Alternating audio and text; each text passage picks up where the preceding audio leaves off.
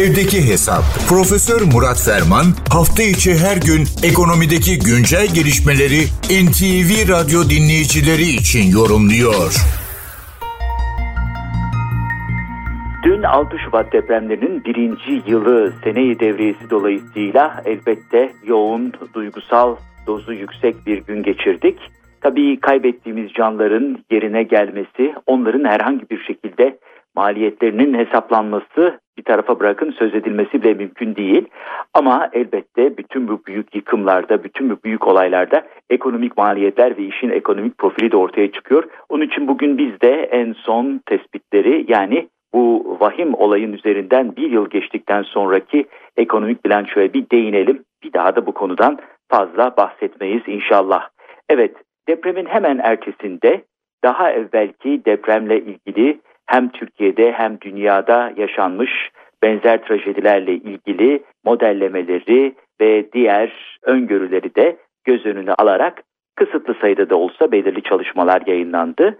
Bu çerçevede bizde 5 ayrı makaleyle biri de İngilizce diline hemen çevrilmiş.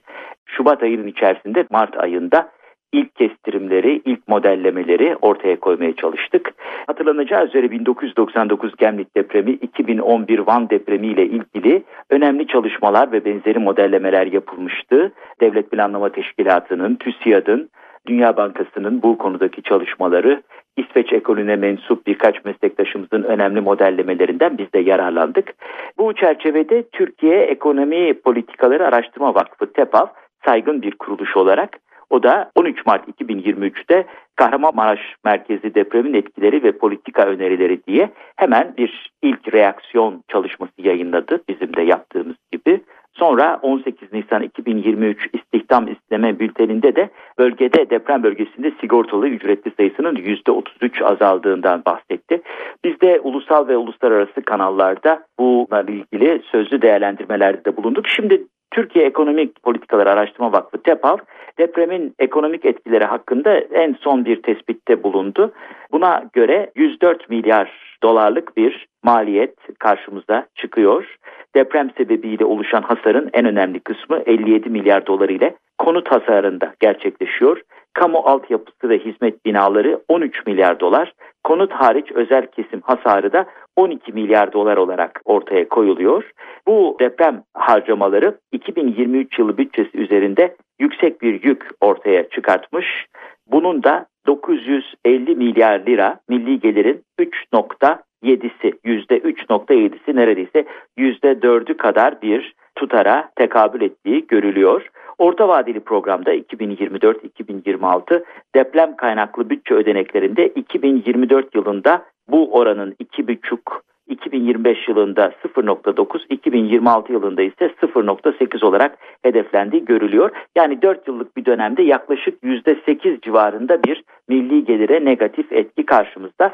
İhracattaki de %13'lük bir düşüş, istihdamda büyük kayıplar, işsizlikte de rekor seviyede bir gelişme izlendiği görülüyor. Evet genel tablo fatura böyle bir yıl geçtikten sonra yapılan çalışmalarda birçok başka projeksiyon vesaire var. Tabii bu gelişmeler bize bazı durumları da açılımları da getirdi adeta dayattı.